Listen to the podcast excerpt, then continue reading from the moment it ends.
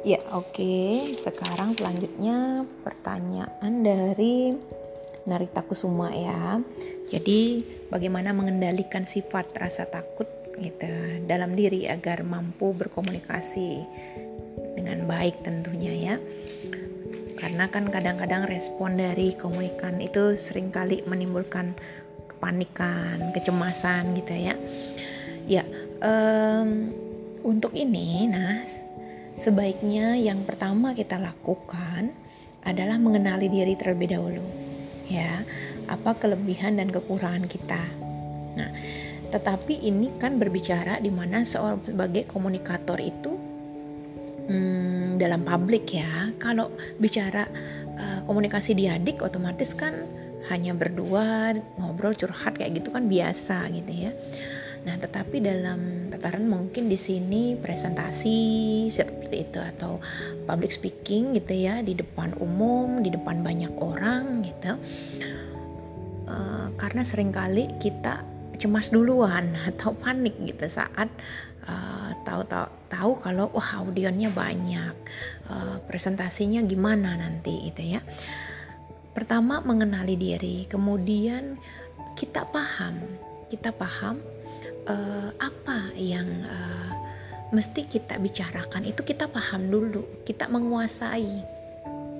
Gitu. Itu perlu belajar kan?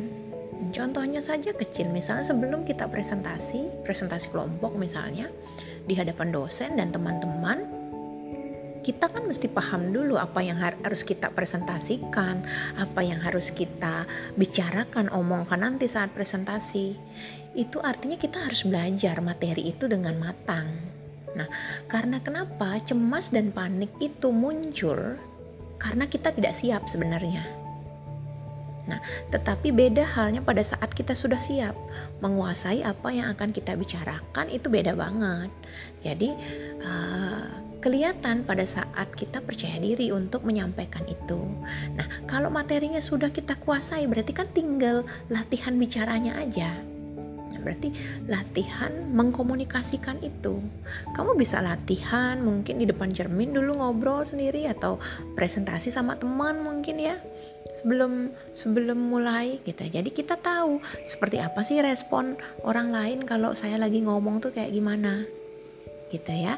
Jadi pertama mengenali diri dulu gitu ya, kemampuan kita. Setelah kita tahu kelebihan dan kekurangan dari diri kita, kita kan mulai ngelis tuh. Oh ternyata aku punya uh, kekurangan uh, saat berbicara di depan umum misalnya. Berarti kan ini mesti kita tingkatkan. Nah tingkatkan itu dengan cara apa ya misalnya sebelum ngomong harus menguasai keadaan menguasai tempat menguasai uh, materi yang akan disampaikan misalnya ya. Atau sebelum sehari sebelum presentasi ngecek dulu gimana komputernya sudah siap atau enggak materinya sudah oke okay, sudah final uh, bagaimana uh, apa antara laptop nanti dimasukkan ke OHP itu nyambung atau tidak gitu ya. Karena kadang-kadang Eh, hambatan-hambatan uh, secara teknis itu juga bisa menurunkan kecemasan kita apa menaikkan kecemasan kita juga gitu loh. Jadi sudah takut duluan panik duluan nanti takut um, responnya gimana nih orang-orang gitu ya. Karena kita kan nggak siap gitu jadi lebih banyak latihan ya. Uh, latihan aja dulu kalau memang belum mampu bicara secara kelihatan bikin podcast kayak ibu ini. Jadi bikin aja podcast belajar ngomong gitu ya. Uh, kemudian kalau podcast kan suara kita aja kedengaran ya. Uh, nanti naik tingkat menjadi streaming gitu ya. Kelihatan uh, suara dan wajah mimik muka kita uh, dilihat oleh orang bagaimana gitu. Uh, banyak sih hal yang harus kita kreasikan gitu apalagi teknologi sekarang semakin uh, banyak kan untuk berkreasi di mana aja tuh bisa gitu ya untuk mengekspresikan diri ya. Mulai dari menulis dari kita ngobrol gini podcast gitu ya. Bikin-bikin aja dulu. Ibu juga awalnya kayak gini jadi bicarakan aja semuanya biar lega gitu ya. Makanya uh, apa nama podcastnya juga ruang bicara bicara saja gitu. Jadi ya biar enak aja semakin berlatih akhirnya kita untuk membicarakan sesuatu, mempresentasikan sesuatu gitu, menyampaikan sesuatu agar orang lain mengerti gitu. Ya, kira-kira seperti itu ya Narita Kesuma semoga uh, berkenan tentunya dengan jawaban Ibu. Ya, selanjutnya hmm, Sinta Sintia Suari ya. Jadi mengatakan bagaimana komunikasi nonverbal itu akurat nggak dalam mengirim pesan gitu ya. Dan bagaimana caranya untuk mudah dipahami? Nah ngomongin komunikasi verbal akurat nggak akurat tetap aja gitu ya. Jadi itu tools tambahan sebenarnya komunikasi verbal itu dan bagaimana menjadi akurat itu pola kebiasaan. Jadi banyak faktor sekali yang mempengaruhi dalam uh, komunikasi nonverbal gitu ya.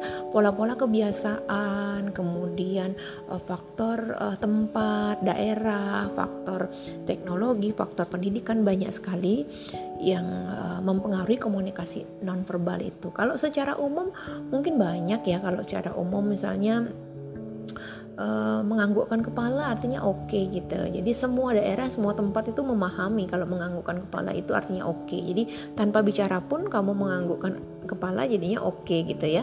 Tetapi itu kan dipengaruhi juga dengan komunikan yang mungkin gitu ya, secara uh, karakteristik, secara uh, apa pendidikan mungkin uh, belum nyambung kalau menganggukkan kepala itu artinya oke okay, gitu ya. Dia harus pakai uh, komunikasi verbal gitu. Oke, okay, tapi dengan menganggukkan kepala misalnya seperti itu ya. Jadi kan tidak semua komunikan bisa mengerti gitu ya. Seakurat apa? Nah, itu tergantung case-nya, tergantung pola komunikasi yang kalian lakukan. Kalau untuk berdua kemudian pakai uh, kedipan mata gitu kan, uh, itu jelas akurat pada saat dia sudah mulai mungkin melakukan apa yang uh, kita inginkan dari kedipan mata gitu misalnya ya. Contoh misalnya uh, yuk gitu. Misalnya mau pulang mau ayo pulang tapi nggak enak uh, pulang duluan ada uh, dosen masih mungkin di ruangan atau ada teman-teman yang masih asik belajar gitu ya. Uh, dalam komunikasi berdua tuh cuma ngedipin ngedipin mata ting ting gitu. Ayo pulang gitu ya. Cuma pakai tanda gitu ayo pulang gitu kan. Nah uh, otomatis kan teman pada saat komunikasi diadik nonverbal begitu langsung paham, langsung mengerti gitu ya. Tapi tak bagaimana teman-teman yang jauh misalnya duduk di pojokan, dia jauh, terus tuh kedipin mata, malah dia nanti GR kan, bisa juga dikedipin mata, apalagi lawan jenis gitu. Ih, dia ngedipin mata, padahal maksud kita mau ngajakin pulang, tetapi dia baper duluan nanti kan, bisa gitu kan. Jadi belum tentu akurat, ya makanya selalu ada komunikasi verbal, non verbal gitu ya. Uh, sebagai tambahan sebenarnya nonverbal itu untuk meyakinkan gitu karena itu tadi faktor uh, teknologi, faktor budaya, faktor daerah, faktor karakteristik komunikannya, pendidikan banyak banget yang mempengaruhi um, komunikasi verbal itu bisa akurat atau enggak gitu ya. Biar mudah dipahami ya belajar dari pola kebiasaan aja gitu kebiasaan-kebiasaan nonverbal kayak gimana sih yang biasa secara umum atau enggak?